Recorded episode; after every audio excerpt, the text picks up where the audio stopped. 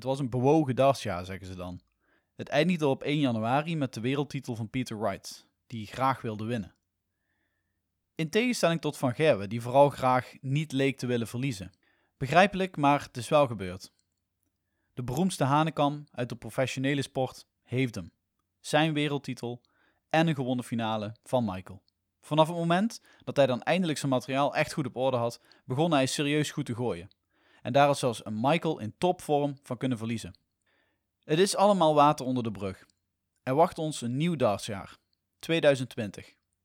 Gelukkig nieuwjaar trouwens, lieve luisteraars. We gaan het vandaag hebben over het afgelopen WK, maar ook over opnieuw beginnen, Q-School, Premier League en van welke spelers we dit jaar een doorbraak verwachten. Het nieuwe jaar beginnen we met goede moed bij de Big Fish.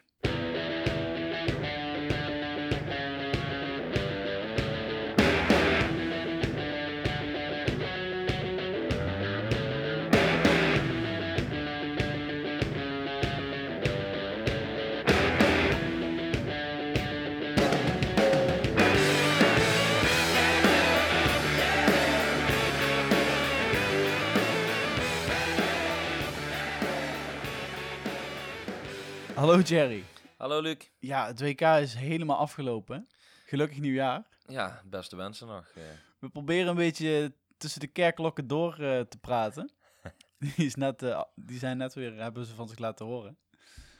Wat was het voor een WK? Laten we even bij het B- WK nog blijven. Ja, we waren in het begin een beetje bang dat er heel veel gekwalificeerde spelers uit zouden vliegen. En dat was na de eerste week ook echt wel waar. En, eh, maar ze hebben zich op, op, op een gegeven moment wel gerevancheerd, vind ik. Ehm, ja, ik, ik heb wel genoten van het WK. Het zijn hele mooie partijen geweest. Zijn weer wat aparte dingen gebeurd, aparte interviews geweest. Dus ik heb zeker genoten. En eh, uiteindelijk dan met de winnaar Peter Wright, die het eh, van harte gun natuurlijk. Ehm, ja, weet je, de- het was een, een leuke finale om te zien. Vooral omdat Pieter gewoon meteen goed uit de startblokken kwam. Eh, ik vind het jammer voor Michael dat hij niet gewonnen heeft. Maar aan de ene kant, we hebben wel een mooi kampioen aan, aan Peter Wright, denk ik dan. Zullen we gelijk even bij, eh, bij Michael blijven? Oké. Wat zijn we verbaasd dat Michael niet gewonnen heeft? Ehm, aan de ene kant wel. Want eh, ik denk dat, dat het verwachtingspatroon vanuit de media vanuit alle mensen wel heel hoog was. Dat Michael dat wel weer even ging winnen. Maar als we eh, heel, ja, heel serieus en heel, heel scherp erop reflecteren, heeft hij toch niet echt zijn gemiddels gehaald wat hij normaal zou hebben. Hij heeft een aantal partijen gegooid waar hij zelf aangaf van ja, ik werd niet getriggerd door de tegenstander eh, om zijn beste spel te laten zien. Ik vond hem in de finale wel een frisse, scherpe indruk maken. Alleen hij miste op cruciale momenten hier en daar wat finishes. Ja, hij noemde Bunting, eh, die vond hij niet goed. Die was ook niet goed. Die gooide 20 punten minder dan hemzelf. Labanauskas eh, heeft hij saai genoemd. Ja. Eh Espinol in de, hal in de halve finale, daar was hij op zich... Dat ging redelijk. Ja, maar die kwam ook niet echt opdagen, vond ik. Nee, die, die, die was toch ook wel uitgeput. Ja. Dat, eh dat Dart Ritus verhaal, dat, dat, dat, is, dat, is, dat was het niet, hè? Nee, nee. Ik, ik moet ook eerlijk zeggen, de eerste keer dat wij het hierover hadden, dachten we echt van oké, dat is een trekje van een potentieel darteritis. Maar daarna zijn een medische uitleg over dat hij een, een trilling in zijn oog had, waar hij af en toe eh, ging corrigeren of even de pijl terugnam. Ja, weet je, dat is gewoon een goede, goede verklaring ervoor. En ik, ik, ik vond wel eigenlijk... Als het, als het is, heeft het, ook, heeft het ook geen zin om daar raar over te gaan doen. Want dan, Nee. dan kun je wel zeggen dat het een oog is, maar dan heb je het de volgende wedstrijd weer. Ja, precies. Dus dit, is, dit had ik ook nog nooit eerder gezien. En als dit zo is, ja goed, weet je, dan ik, die jongen die heeft ook eigenlijk niet zo'n zo'n aanleg daarvoor. Ehm, en hij gooit gewoon nog steeds soepel als, als hij dat had. Dus eh, dat, dat kunnen we eigenlijk wel uitsluiten, denk ik. Ik vind eh, over Michael van Gerwen nog eventjes. Ik zie dit al vaker gebeuren bij Nederlandse sporters. Die worden dan op een eh, voetstuk gehesen, zijn de hele tijd nummer 1, zijn afgetekend de beste. Je moet denken aan Sven Kramer, Tom Dumoulin, Michael van Gerwen, misschien wel de beste van allemaal. Er komt op een gegeven moment een bepaalde vermoeidheid en een verwachtingspatroon inderdaad vanuit het publiek. Ik, en ik heb het gevoel dat dit hartstikke goed is dat Michael nu gewoon even terug op zijn, eh, zijn plaats is gezet. Hij is nog steeds nummer 1. Ja, Hij heeft, niet, hij heeft het beste gegooid van de rest. Want alle andere spelers buiten Peter Wright, die hadden ook in de finale van Peter Wright verloren. ja. Dus misschien is dit op, op de lange termijn wel de beste uitkomst. Ja, ik denk dat Michael het daar niet mee eens is. Dat hij het liefst had gewonnen natuurlijk. Maar ik denk dat dit hem wel weer hongeriger maakt voor de volgende keer. Ehm, Nou, ik vond hem namelijk niet hongerig. Nou, ik, denk, nou, ik ken Michael een beetje. Ik denk dat hij echt wel, wel gebrand was om die finale te winnen. Maar dat Pieter echt voor zijn neus constant die kleine kansjes pakte. En, en een, ja, een ongelooflijk finishpercentage had. En eh, ja, goed, ik denk echt wel dat Michael hongerig was voor die finale te winnen. Nou, volgens, volgens mij wil Van Gerwen vooral graag niet verliezen. Dat is een hele interessante uh, Want Wright wilde deze finale, die wilde gewoon echt die beker een keer hebben. Mm, ja. En volgens mij, als, als ik Van Gerwen zie spelen, dan is hij vooral bezig met hoe is mijn gemiddelde. Ga ik niet, uh, hè, sla ik geen modderfiguurs, maak ik geen slechte wedstrijd. Maar echt die, die, die honger om, om te winnen, dus, dat is denk ik iets anders. Ja. Ja, in principe op hongergebied denk dat je misschien wel een punt kan hebben. Maar Michael is echt niet direct bezig van, uh, van oh, uh, ga ik misschien af of uh, gooi ik een slechter gemiddelde als normaal. Die, die heeft er eigenlijk normaal gesproken lag aan. En ik, ik, ik vond het dan wel... Hij, hij oogde na de partij niet heel erg... Uh, uh, teleurgesteld. Hij natuurlijk, ja, niet zoals ik. Ik zou echt af en toe, ja, ik ken mezelf. Ik, ik ben echt ziek als ik een partij verlies. Dat die indruk maakte Michael niet. Dat maakt hem natuurlijk op een top prof en natuurlijk een, een goede verliezer, maar ook een ware kampioen. Ik vond zijn reactie inderdaad echt heel sterk na Ja. de wedstrijd. Ja, uh, Daar maak ik ook- wel uit op dat hij dit jaar eh, gewoon weer een fantastisch jaar ingaat. ja, Want eh, zijn niveau is natuurlijk qua punten dit WK een beetje minder geweest. Maar hij, hij blijft gewoon altijd blijft hij rammen. ja, Eh, en dus al- bijna alle andere spelers die, eh, die, hebben, die hebben allemaal van die periodes in wedstrijden dat, dat, dat, dat ze Michael niet bij kunnen, kunnen houden. nee, nee. Want ook iemand als Labanauskas, dat was iemand die, die zagen we allemaal wedstrijden spelen die die eigenlijk best overtuigend won. En tegen Michael was het ook niks. En Espinel, het, Espinel Ja. hetzelfde. En daar liet Michael hem eigenlijk nog wel vrij eh, makkelijk kansen eh, creëren. Want, want ja, Labanauskas heeft toch nog volgens mij pijlen gehad om 3-2 terug te komen of zo. Ja, dat, het is 3-2 geweest. Ja, Ah, en toen, dus won, eh, toen won Van Gerwen de laatste twee sets. Ja, Ah zo, oké, dan heeft hij pijlen gehad om 4-3 terug te komen of zo, denk ik dan. ja denk, het- denk dat dat klopt. Ja. Maar toch heb ik nooit het gevoel gehad, die wedstrijd, dat Michael dat echt... Nee, dat sowieso niet. Eh, ja, ik, ik zei heel fanatiek in de studio, ja, dat wordt 5-0. eh, maar dat eh, was na de eerste set, die pakte Lamanauskas natuurlijk. Dus eh, ja, dat was een beetje jammer. maar ja, goed, we verwachten die avond was natuurlijk ook de partij van Gerwin Price tegen Glenn Durant. En eh, we dachten allemaal van, ja, weet je, Michael tegen Labanosa wordt wel 5-0. En de laatste wordt echt een, een kraker. Nou, dat werd het dus net niet. Want die, die won Price natuurlijk met 5-1. Ja, want ik- als ik ook hier naar de bracket kijk, de kwart, halve en finale, geen enkele wedstrijd is tot de laatste set gegaan. Nee, terwijl we daarvoor best wel wat, eh, wat krakers hebben gehad, zullen Ja. we maar zeggen. Vooral de halve finales vond ik echt ontzettend tegenvallen. Want Peter Wright, Peter Wright, Gerwin Price, dat was echt de raarste wedstrijd van het toernooi. Ja, ja er was natuurlijk wel wat, wat eh, emotie en wat, eh, ja, hoe moeten we het omschrijven? Een beetje conflicten eh, met elkaar. eh, wat wat het, het voor de kijkers misschien wel weer leuk maakt. Er is toch wel weer iets raars aan de hand, iets geks gebeurd. En eh, twee spelers die elkaar op dat moment eigenlijk het daglicht niet in de ogen gunnen. Terwijl ze eigenlijk goed bevriend zijn of redelijk. Hebben het ook heel lief bijgelegd hè, via ja, WhatsApp. Ja, precies. En dat maken ze ook nog mooi openbaar voor te laten zien van luister. Dat vind ik echt heel sterk en, eigenlijk. Ja, goed. Ik denk dat dit wel naar de buitenwereld laat zien van luister. Er is verder niks aan de hand. Ik, eh, we hebben geen haatgevoelens naar elkaar. Eh, dat was in het heetst van de strijd. We zijn natuurlijk allebei eh, darters die willen winnen. De halve finale van het WK staat veel op het spel. Dus ik snap het wel. Maar zal Wright daar inderdaad achter de schermen te ver gegaan zijn? Dat durf ik niet te zeggen. Ik, ik, ik kan me, ja, weet je, dat, dat, daar moet iemand bij zijn geweest die dat dan heeft be- bevestigd. Ik, ik durf het niet te zeggen. Want wat we, wat, we voor de camera, wat we voor de camera gezien hebben, daar valt toch eigenlijk niet veel van te Nee, zeggen. want ik, ik heb meer het gevoel dat Wright een beetje zo eh, een grapje maakte van, weet je, want, want Price had zich uitgelaten dat hij voor zou komen met twee sets volgens mij, en dat hij dan niet meer terug zou kijken, en dat Peter Wright dan ging switchen van pijlen weer, maar dat Price eh, glorieus die halve finale ging winnen. Maar waarom heeft Price dat gezegd? Want Wright gooide de wedstrijd ervoor 105,86 gemiddeld tegen Luke Humphries. Hmm. Waarom dacht Price dat hij zomaar even over Wright heen ging Ja, wandelen? dat is toch een beetje imago van Price ook. hè. Hij heeft, hij heeft, eh, eigenlijk ja, al die tijd maakt hij zijn uitspraak. En ook ten opzichte van Michael. Van ik weet hoe Michael nou kan verslaan. En ik, ik maak het Michael moeilijk. En ik ben de contender. Ja, dan heeft Peter Wright nou even laten zien dat hij de contender van Michael is. Wat verwachten we van Price het komend jaar? Gaat hij inderdaad de contender zijn? Gaat hij dat, gaat hij dat worden? Ja, ik twijfel. Kijk, één slechte partij heeft hij gegooid, vind ik. Want hij gooide onder de 90 gemiddeld. En eh, de rest van de, to de toernooien in het verleden ook, de laatste maanden, kan hij gewoon echt gewoon 100 plus averages gooien en is gewoon een sterke speler. Dus die gaat dit jaar nog steeds sterker zijn. Die man heeft gewoon een sportmentaliteit, die gaat gewoon weer aan het trainingsbord staan en die gaan we gewoon zien knallen, ook in de Premier League, denk ik. We gaan zien of dat klopt. Ik wil ergens uh, na, na een aantal Premier League uh, dagen wil ik ook weer de balans opmaken en kijken hoe, hoe wie ervoor staat. Mhm. Want dit zijn, dat zijn ook momenten tijdens de Premier League waarop je... Dat lijken me best rare momenten, die Premier League avonden. Want aan de ene kant, het, het gaat qua ranking nergens over. Nee. Maar podiumervaring en je wil natuurlijk alsnog niet uh, elke week verliezen van Nee. al die toppers. Dus je wil eigenlijk net zo graag winnen volgens mij. Ja, ja het is, de Premier League is eigenlijk gewoon een, eh, een demo-toernooi, eh, zullen we maar zeggen. Je hebt eh, een x aantal weken lang, behoorlijk lang, hebben we net, eh, net samen even bekeken. Volgens mij 17 weken of zo. Speel je elke donderdagavond op topniveau tegen de, de beste spelers van de wereld.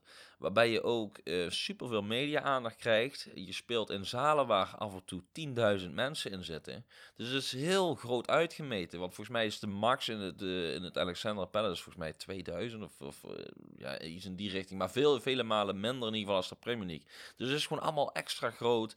Extra veel media-aandacht. Waarvoor het vreemde aan het hele verhaal is dat je eigenlijk... Je, je moet de dag ervoor reizen. Je, hebt de, je moet de pers te woord staan de woensdagavond. En op de donderdag volgens mij ook nog.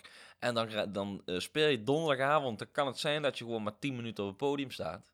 En dan de dag daarna kun je weer doorreizen naar een ander toernooi. Dus je bent eigenlijk gewoon wel twee dagen volle bak bezig met reizen, eh, voorbereiding, pers te woord staan, eh, noem maar op. Voor misschien maar 10 minuten speeltijd. En dan was je in het weekend in Duitsland op een, op een Eurotour toernooi. En het weekend daarna misschien weer, wel- weer Ja. in Oostenrijk of in, of in Duitsland. Ja, of, in Wigan. Engeland. Of waar, ja, noem maar op. Die, die, die kalender die zit zo propvol. Dat is ongelooflijk. Dus die, en dat zien de mensen thuis vaak niet. En dat vind ik wel iets, iets, iets om te accentueren. Dat, er, eh, dat de spelers die er staan, die denken, oh, die gooi je even 10 minuutjes en dan hebben ze weer een, een zakken vo- eh, gevuld met geld.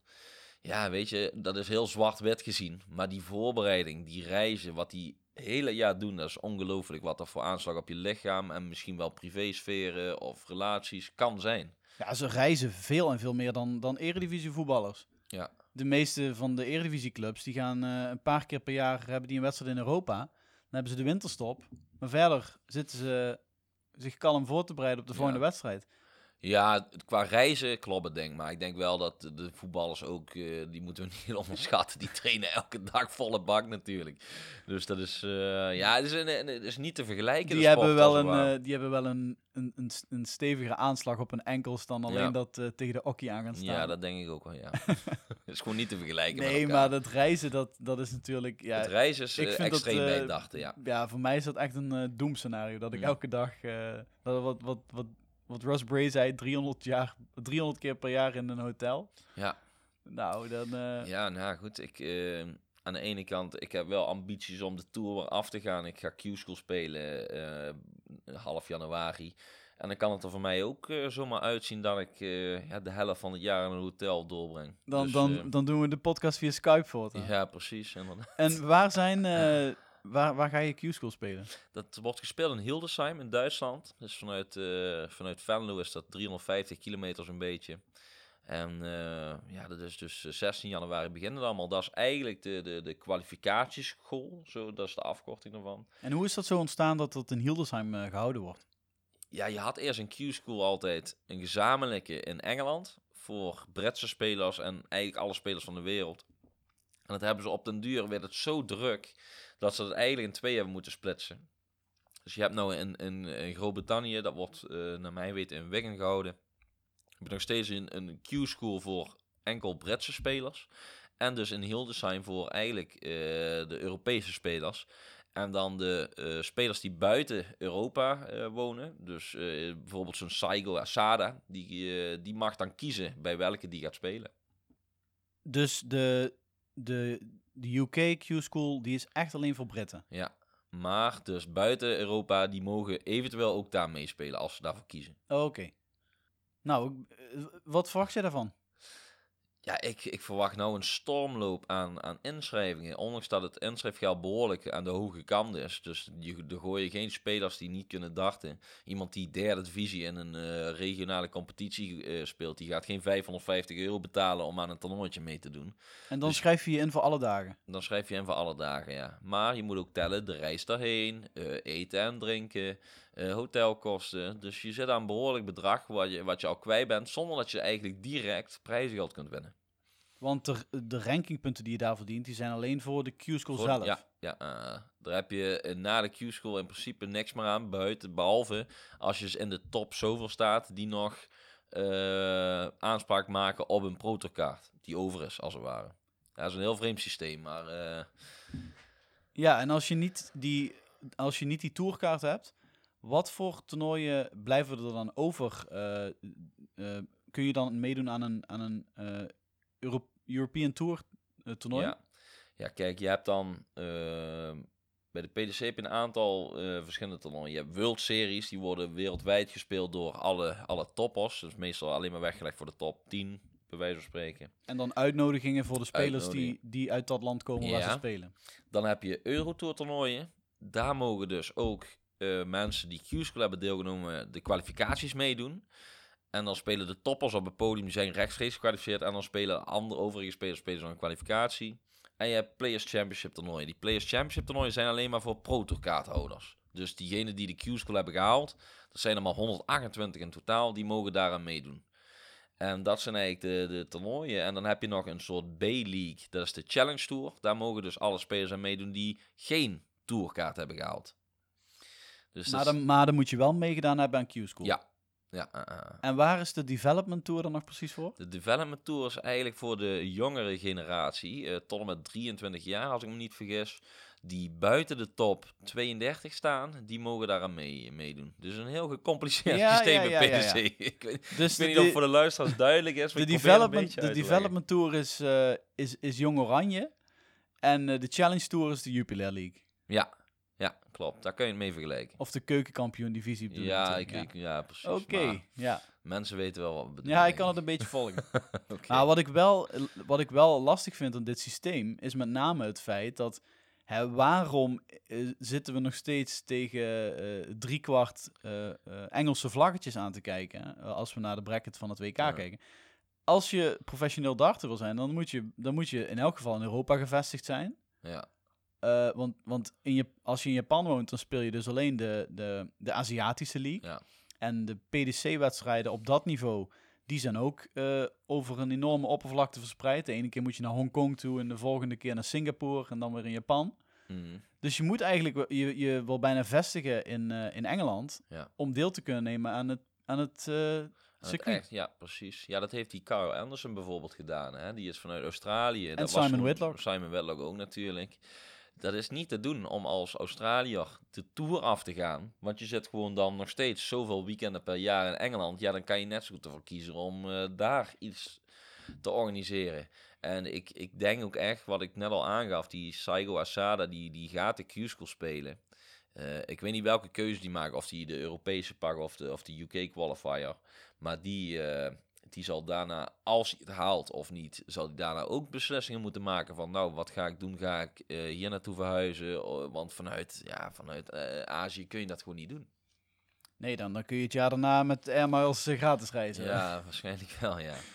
Ehm, hoe, hoe zit het dan? ehm, als, zijn dat wilde ik vragen. Zijn er niet een beetje weinig ondertussen eh, plekken te verdienen op de Q-School? Ja, ik denk dat de top op dit moment zo breed is geworden dat het eigenlijk langzamerhand wel naar een groter format moet gaan. Want, Want 128 tourkaarthouders, ja, toch? en dan zijn de top 64 van de wereld, die heeft er, heeft er al één automatisch. Eh degenen die er net buiten vallen, die, die, die, ja, die verliezen hun tourkaart met ze hem niet vorig jaar gehaald hebben. Want een tourkaart is geldig voor twee jaar. Je hebt twee jaar lang de tijd om je te bewijzen. En dat is ook echt een, eh, een kaartje. Ja, ja. Hoe ziet dat eruit? ja, die moet je in een koffer meenemen. Of is dat, nee, is dat dat een is mail? puur, die staat achter je naam gewoon geregistreerd dat jij een tourkaarthouder bent. En dat is niet echt een kaartje, nee. en er is maar, eh, iemand en die heeft de Pokédex en er staan Ja. alle daters in. Inderdaad, ja, precies. Je hebt het goed gezien, Luc. Nee, dat is gewoon puur even, eh, gewoon, het staat gewoon geregistreerd dat jij protokaarthouder bent en je mag gewoon aan eh, de Players Championship toernooi deelnemen. En voor twee jaar lang. En in, binnen die twee jaar moet jij gewoon zorgen dat je binnen de top 64 van de wereld staat. Want als je daarin staat, dan ben je automatisch tourkaarthouder. Dan hoef je niet weer via Q-School je te kwalificeren. En dan maak je het zelf gewoon een stuk makkelijker. Eh, wat we nou zien is de tendens dat er eh, bij de BDO, de, de concurrerende bond, ja, concurrerend vind ik een beetje een groot woord, maar de andere bond, zullen we maar zeggen, die hebben er eigenlijk een beetje een potje van gemaakt de laatste weken, eh, in, in aanloop naar hun WK toe. Eh, van de week kwam ook weer het nieuws dat er eh, het prijsgeld gehalveerd is. Ja, dat brengt allemaal niet zo positief nieuws eh, met zich mee. En de gemoederen worden er ook niet prettiger door. Nou, het zegt ook veel over de prestige van het toernooi dat Fallon Shark niet eens de moeite neemt om mee te doen. Nee, dat, nee, zegt ja, eigenlijk dat- alles, dat- hè? ik denk dat Fallon nou op dit moment gewoon gaat cashen. Die gaat gewoon veel demo-toernooien spelen. En die is uitgenodigd voor alle World Series toernooien. Nou, ga er maar aan staan. Eh, respect. Eh dat is natuurlijk voor, voor Barry Hearn, eh, is een commercieel genie. Genie die, eh, die heeft het goed aangepakt. Want eh, toch, Fallon, als zij eh, opgezet wordt op een podium tegen, tegen Michael Vergeer of tegen andere spelers, het verkoopt op een of andere manier toch tickets. En het vrouwendachten wordt er weer meer door gepromoot. Dus ik denk dat ze een goed boegbeeld hebben die, die ze naar buiten willen dragen. En ja, dit is toevallig Fallon geworden. Want als Suzuki bijvoorbeeld die prestaties had geleverd, had het zomaar kunnen zijn dat zij het was geweest. Ja, dart is eh, best wel een sport die draait om, eh, om spektakel, als we Ja. geluk hebben. Het dus, er zat, een klein duiveltje zei vanochtend ook eh, in mijn hoofd tegen mij van eigenlijk zou ik een WK met bij wijze van spreken acht vrouwen tussen al die mannen, want juist die combinatie maakt het Mm. ook spannend, eigenlijk veel leuker vinden dan, dan Simon Whitlock tegen Mervyn King of zo. Dat, Ja. Ja, Maar ik dat- denk dat het voor de buitenwereld ook eh, zo geldt. Ik denk dat het eigenlijk, als je de, de sport professioneel wil neerzetten, dat het een beetje een lastig verhaal is. Als Ja, de vrouwen zich kwalificeren via de normale weg, dan ja, weet je, wat let hun? Ze mogen gewoon meedoen aan de, aan de toernooien, aan de Q-school. En waarschijnlijk gaat het ook gebeuren dat een aantal vrouwen aan de Q-school mee gaan doen. Maar eh, ja, ik ben het wel met je eens dat het meer spektakel oplevert. En het is natuurlijk ook eh, gedeeltelijk eh, commercieel. Dus dan, daarom heeft Bergen die keuze denk ik ook gemaakt door twee vrouwen die de kans te geven. Nou is het wel zo, ik denk dat de beide vrouwen boven zichzelf uit zijn gestegen. Er zijn vrouwen die spelen af en toe een partijtje rond, ja, tegen de honderd aan, maar dat gebeurt echt sporadisch. En je hebt, ik denk dat je echt wel misschien acht vrouwen in de wereld kan vinden die dit niveau kunnen halen. Maar dan houdt het ook ver op. En bij de mannen kun je er denk ik wel 300 neerzetten die eh gemiddeld boven de 90 tegen de 100 aan kunnen gooien.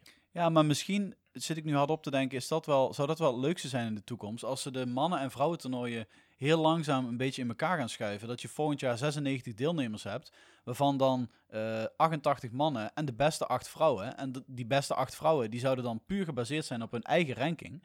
Op die manier zouden ze het dan vervolgens ook eerlijk verdiend hebben. Want zou er geen sprake meer zijn van, van invita- of een, eh, een uitnodiging of zo. Dan zouden het gewoon de acht beste vrouwen op de ranking zijn. Ja.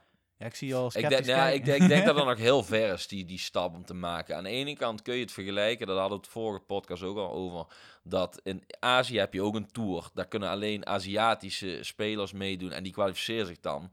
Dan is het ook een soort, eh, eh, eh, ja, dan gendergericht en niet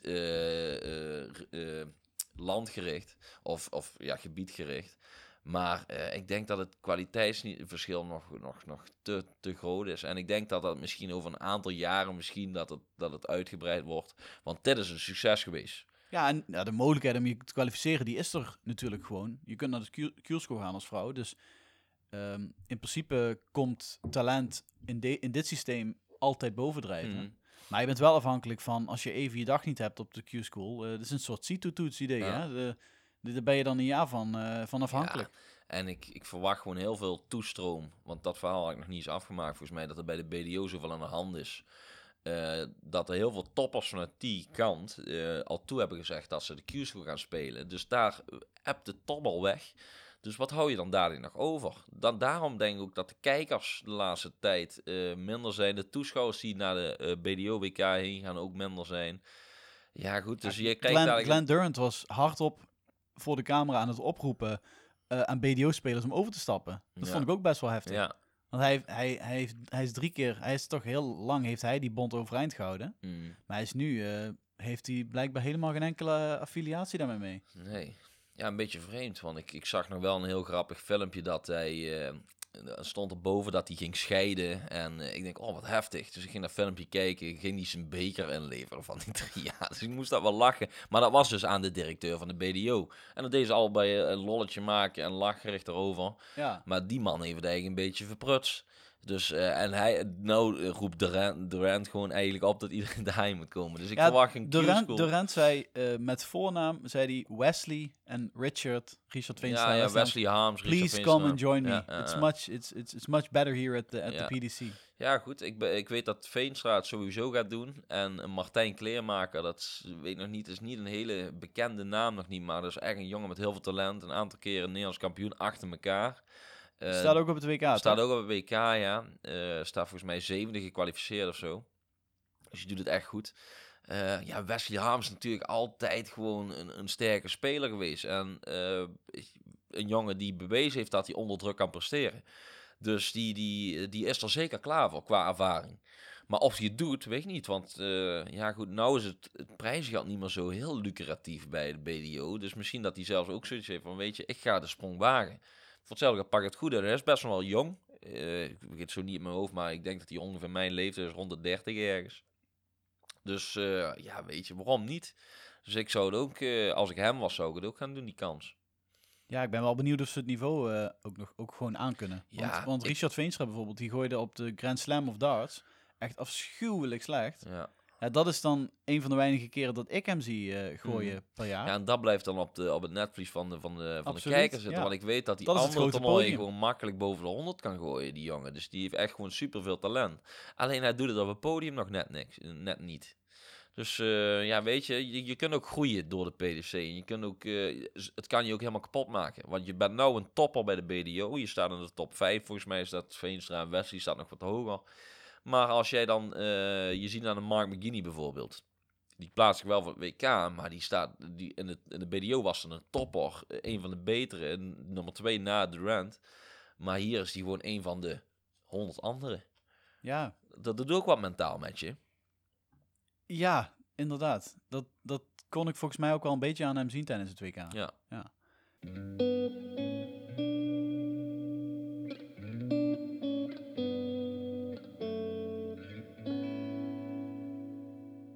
We gaan eh, even naar een ander onderwerp. Ik heb nog een paar, ik heb een paar stellingen voor ons allebei. Ehm, daar komen ze. Nou, nou ben ik benieuwd. Ja, even spanning laat maar komen, laat maar komen. Jeffrey de Zwaan is na Michael de beste darter van Nederland op dit moment. Ehm, He- Hebben we bewijs gezien op het WK waaruit we dat kunnen opmaken? Ik denk wel dat zijn potentieel heel hoog is. En hij heeft ook laten zien dat hij gemiddeld kan gooien van dik boven de 100. Maar ik, weet je, ik vind dat eh Jermaine eh, over de breedte meer gepresteerd heeft. En dan heeft hij net een superpartij tegen eh, Humphries neergezet, die hij dan net verliest. Terwijl Jeffrey dan net door het oog van de naald tegen een Amerikaanse speler komt. Waardoor die hem voorbij gaat op de ranglijst. Want volgens mij was dat het hele issue. Als ik, ik heb het niet serieus bekeken. Ik weet dat hij Jermaine heeft ingehaald op de wereldranglijst. Maar ik denk dat daar heel veel mee van doen is dat hij die rondes doorrolt. Terwijl Jermaine dan net een Humphries treft die echt in supervorm is. Ja, ik, ik denk dat wat ook wel veel zegt over de constantheid, of eigenlijk het gebrek daaraan van Jeffrey de Zwaan, is dat hij de kans had op een gegeven moment om Peter Wright eruit te gooien. Mm. En Peter Wright wordt kampioen. Ja. Maar toch ja, weet ik... je, respect voor Jeff is gewoon een supergoeie speler. En even denk nog, eh, ik zie op vloertoernooien, heb ik het gevoel dat Jermaine het altijd net een tikkeltje beter doet. En eh, dat hij dat hij nou een beetje aan het wennen is aan het podium en daar ook zijn goede spel kan laten zien. Maar dat het nog net niet zijn kant uitvalt. Maar als dat dadelijk eenmaal zijn kant uit gaat vallen, ja, dan denk ik dat hij dat hij ook eh, dat kaliber kan, aan kan. Oké, en Danny Noppert? Ja, ook. Ja. Daar ben ik het in. Weet je, ik mag Danny heel graag. En eh, hij is gewoon een hele rustige, nuchtere Fries. En ik denk dat die drie spelers nog heel veel van zich laten horen komend jaar. ik hoop het wel, want samen met Ron Meulenkamp bijvoorbeeld, eh, vind ik wel dat dat groepje spelers, daar moet het wel een klein beetje van gaan komen. Ja. Want, want na Michael vind ik niet dat het Nederlandse Nee. qua niveau er op dit moment fantastisch Nee, voor ja, staat. kijk, en jij hebt ook een leeftijdskwestie, denk ik. Hè? Want, dan, eh, want eh, Jermaine is ook iets jonger als mij. Volgens mij Ron is mijn leeftijd. Jeffrey is een stuk jonger trouwens. En Nopper is ook rond mijn leeftijd, zo rond de 30. Zijn allemaal eigenlijk in principe op dartgebied eh jonkies. Het is niet meer eh, het tijdperk van allemaal eh, 50-jarige Engelsmannen die daar een beetje de, de, de, de wereld aan het rocken zijn. Nou ja, weet je, je krijgt heel veel eh, spelers van wereldwijd die nou eh Nou, de het top ding- gaan Het bestormen. ding met 50-jarige Engels is ook wel een beetje dat toen wij Ted Henkie zagen gooien, toen was hij nog maar 30, maar toen zag hij eruit als 50. Ja, dat klopt wel. Ja, dat klopt wel, ja. Ja, Ehm. Gary Anderson stopt dit jaar met darten. Ja, ik hoop het niet. Eigenlijk, ik geniet nog steeds van die man. Ik heb wel het gevoel inderdaad dat hij eh, meer zoiets heeft van, weet je, ik, ik doe mijn ding. Ik kies mijn toernooien uit waar ik het eh, wil laten zien en waar ik me op voor wil bereiden. En die wil niet meer zoveel verplichtingen hebben. Dus ik, eh, vorig jaar heeft hij de Premier League afgezegd, me Ja, maar dat. Kwam volgens mij ook wel omdat hij, omdat hij fysiek ook echt niet Ja, goed ja, oké. was. oké. Maar eh, hij er dit jaar wel bij. Eh, ja, weet je, als hij daar gaat knallen. Gary is gewoon een mega talent. En die kan van iedereen in de wereld winnen. Ook van een Peter of van een Van Gerwen natuurlijk in topvorm. Ik zag dit WK tegen Espinol wel voor het eerst iemand eh, op topniveau gooien tegen Anderson. En Anderson was zelf ook goed. En Anderson kon het er niet uitslepen. Die werd echt Nee. verslagen. Ja. En Ja, ik heb Espinol was ook super goed, gewoon die partij. En ik denk nog steeds niet dat dat Anderson zijn top was. Dus dat is een beetje een, een, een- dingetje. Ik, ik denk niet dat hij gaat stoppen. Eh, ik weet ook niet of hij financieel onafhankelijk is. Eh, hij zal natuurlijk superveel demo's kunnen krijgen. Dus als hij ze gaat stoppen en zich twee jaartjes volle bak op de demo-circuit gooit... ja, dan hoeft hij nooit meer te werken, denk ik. Jij waarschijnlijk nou al niet trouwens. Ja, hij is twee WK. keer, eh, ja, maar... in de goede, dure tijd is hij, heeft hij 2K eh, gewonnen. Ja, klopt. Ja, goed. Nee, we zullen het zien. Ik hoop het niet. Dat is, eh, dat is niet... eh, nou, ik, ik vind het wel nog steeds een, een toevoeging aan het, aan het gehele darten. En dan, eh, dan krijg je in drie jaar tijd dat je echt drie grote spelers hebt die uit de circuit stappen. Ja, dat is niet wenselijk. Nee, dat is helemaal niet wenselijk. Want ik denk dat we die karakters hartstikke erg nodig hebben. Ja. Ja, ja kijk, het, het duurt natuurlijk voordat je een karakter ontwikkeld hebt ook, hè. Eh, het is niet zomaar dat iemand eh, nou het WK gaat spelen voor het eerste keer en bam, dat is meteen een karakter die een toevoeging is aan de sport. Dat, daar gaat een, een tijd overheen. Dus eh, zolang die toestroom nog niet dusdanig aan de orde is geweest, ja, dan kan je zo'n spelers niet echt missen. Ik zie bij Nathan Espinol wel echt dingen dat ik denk dat dat is wel echt een publiekslieveling aan het worden. Ja, Ja, en, is een fantastische ook. Ik opkomstnummer. vind hem hongerig. Ja, Dat, dat straalt hij ook echt uit. Dat hij echt hongerig is. Voor elke pijl wil hij triple inrammen. En eh, ja, goed, ik, ik, eh, weer respect. Als je twee jaar achter elkaar de, halve finale van de WK haalt. Ja, en respectievelijk tegen Van Gerwen verliest en tegen Michael Smit vorig jaar. Ja, dan doe je het niet slecht. En hij heeft gewoon van toppers gewonnen.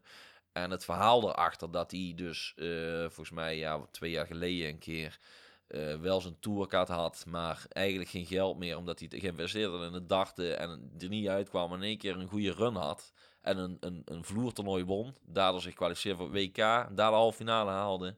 Ja, dat is gewoon top. Respect daarvoor.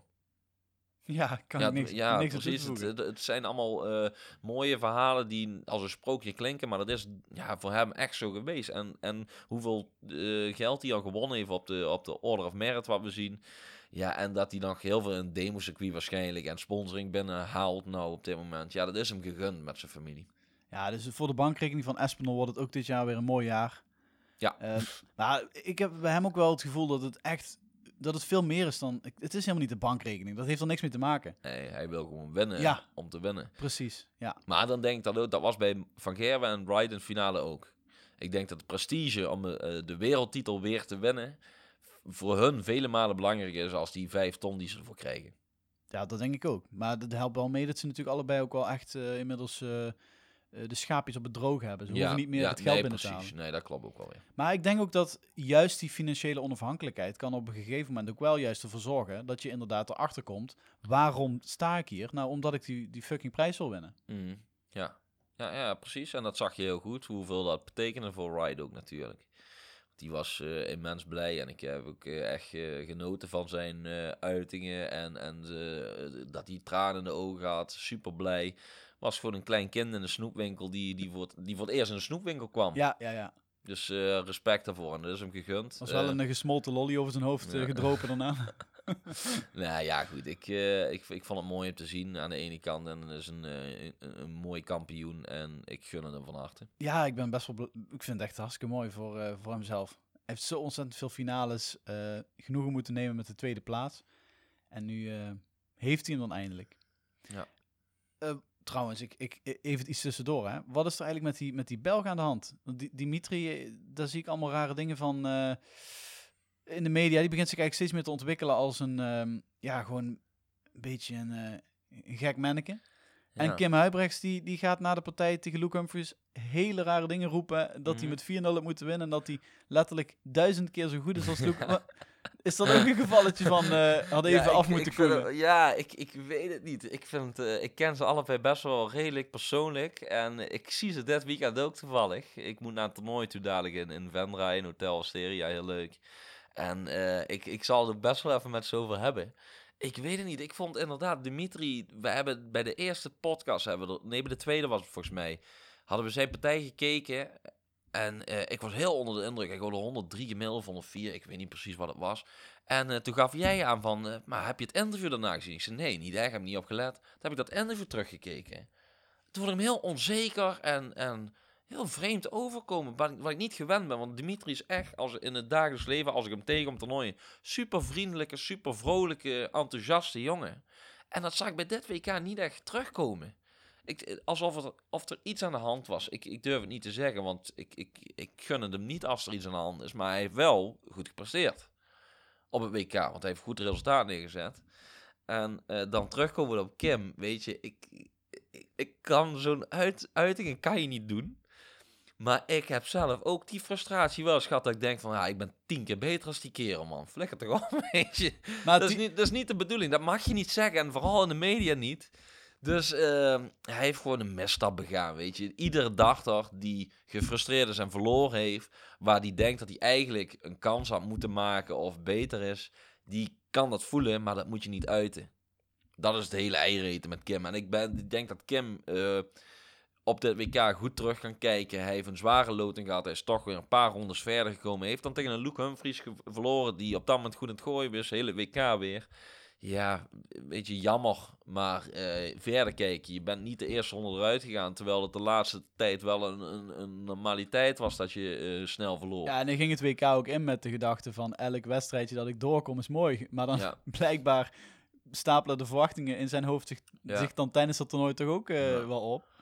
Nee, maar ik- Kim is gewoon heel fanatiek. En die is zelfs wat ik bij Espinal zeg. Die, die, die, die hongerigheid, die straalt hij echt uit.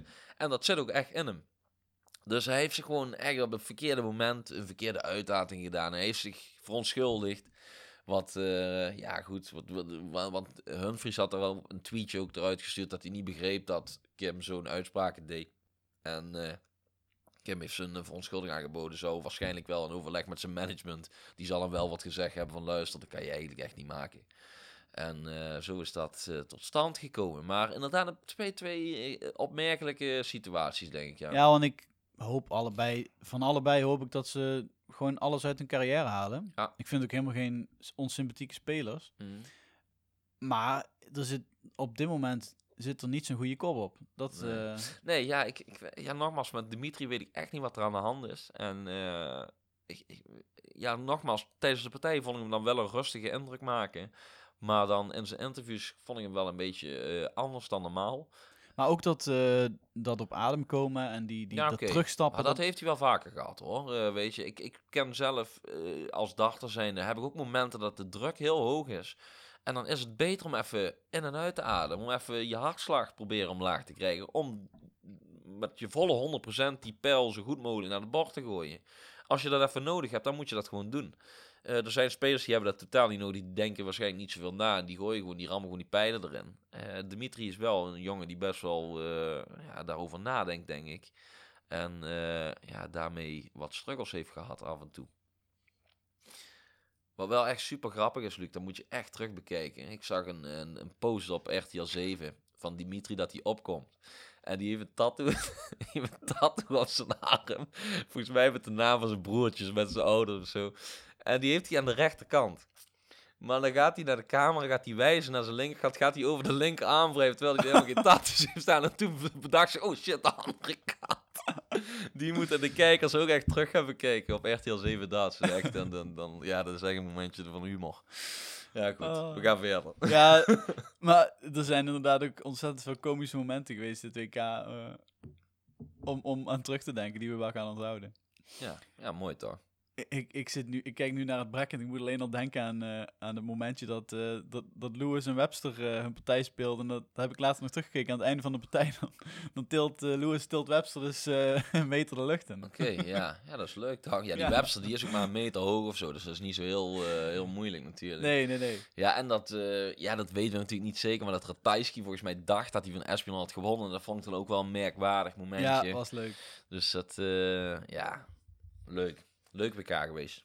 Eh, laten we er langzamerhand een klein beetje eh, een punt achter gaan zetten. Doen we. Ik wil het nog even hebben over ehm, de maand die eraan zitten te komen. Van welke spelers verwachten wij nou, hopen wij, dat ze nu echt door gaan pakken en dat ze de Order of Merit gaan bestormen, dat ze de top 16 ingaan? Van wie kunnen we dat verwachten? Ik ga nu naar de Order of Merit toe. Ik weet dat bijvoorbeeld Whitlock... Kijk even met Ja. mee. Tuurlijk. Simon Whitlock, die sta, zie ik daar op 14 staan. Eh, Joe Cullen op 15, Johnny Clayton op 16, Steven Bunting op 17. Mhm.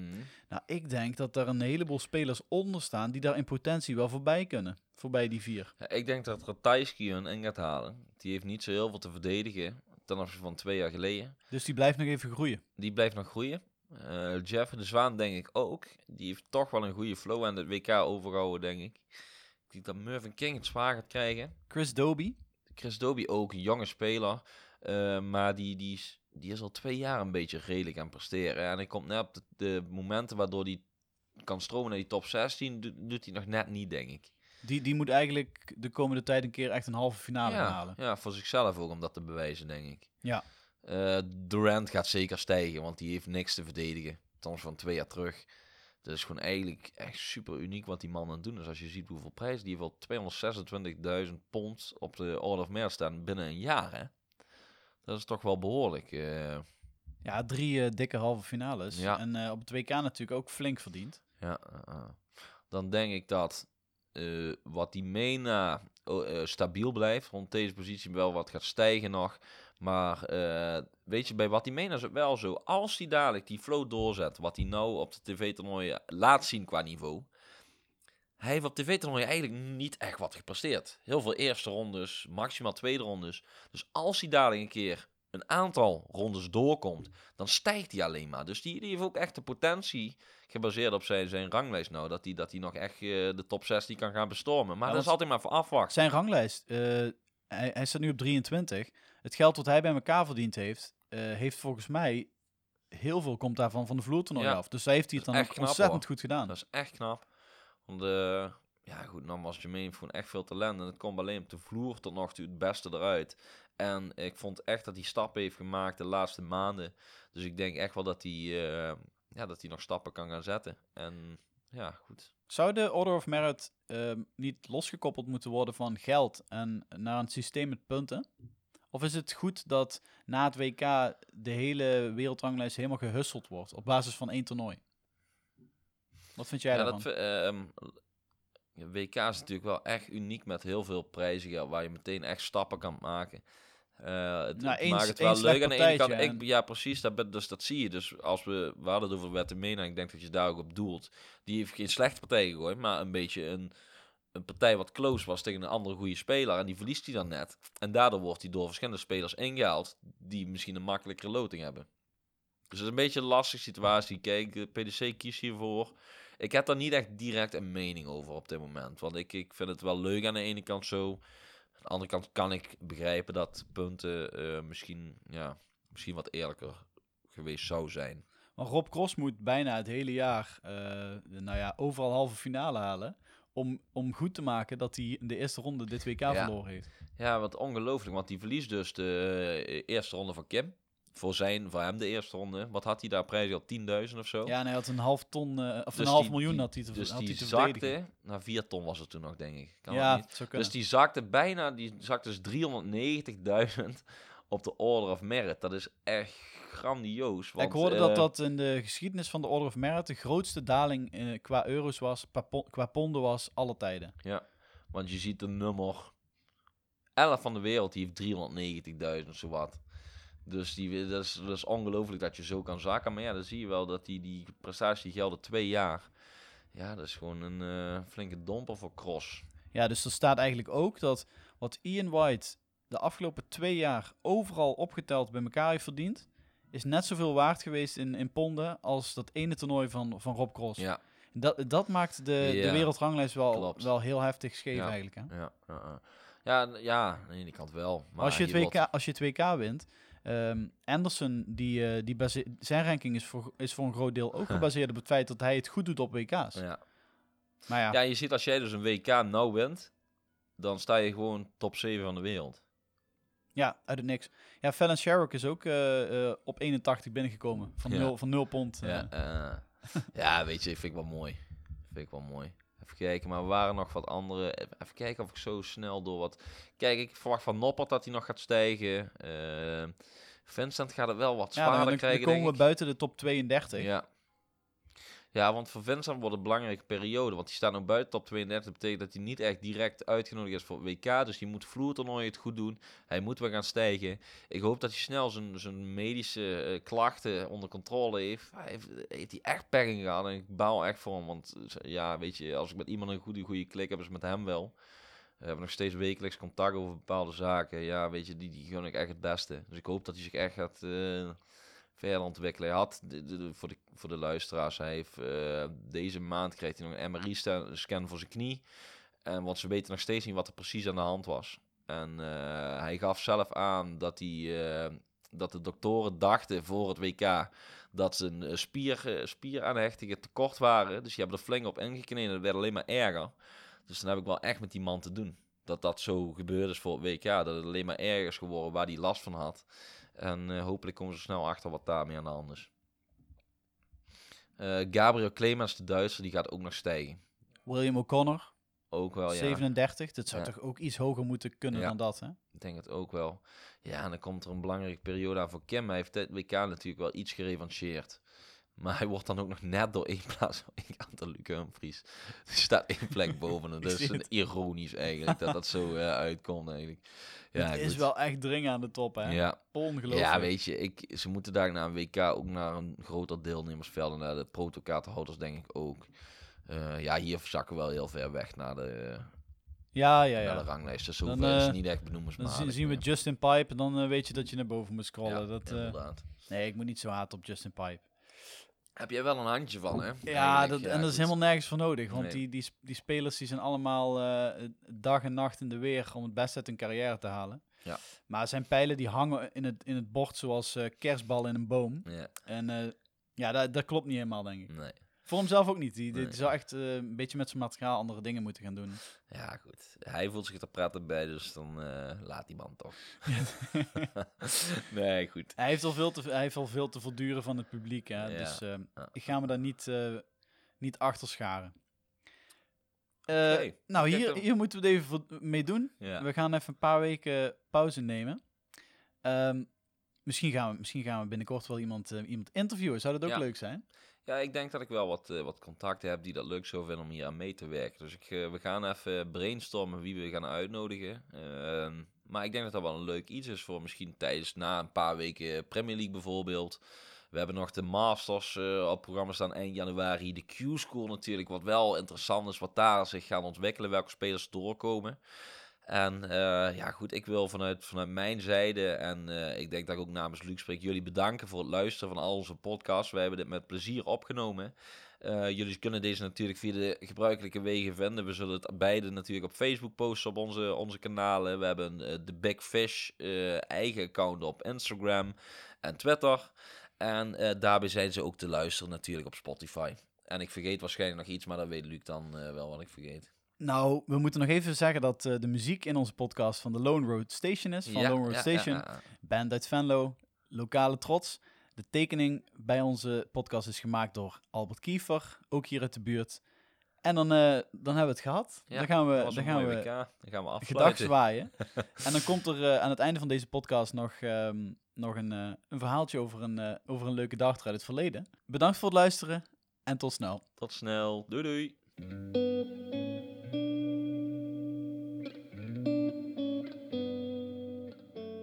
Als klein ventje zag ik op tv eens een man, gehuld in cape het dartspodium bestijgen. De man kijkt stuurs en voor de strijd voor zich uit. Hij kijkt het publiek in en werpt ze plastic vleermuizen toe. Het maakt een verpletterende indruk. Er zijn maar weinig dingen meer Engels dan de volgende lijst. Boris Johnson, David Bowie, de corgis van Queen Elizabeth, Mind the Gap, bier zonder schuim, aan de linkerkant van de weg rijden en Edward the Count, Ted Henke. Ted Henke werd nog gewoon ouderwets door zijn moeder aangemoedigd. Ted Henke nam rustig de tijd om het publiek uit te kafferen. Ted Henke is nu 51, maar leek al zo oud toen hij voor het eerst het WK speelde. Ted Henke's blues had altijd een paar knopen te veel openstaan. Maar wat is het darten toch een zalige sport dat er plek was voor iemand als Ted Henke.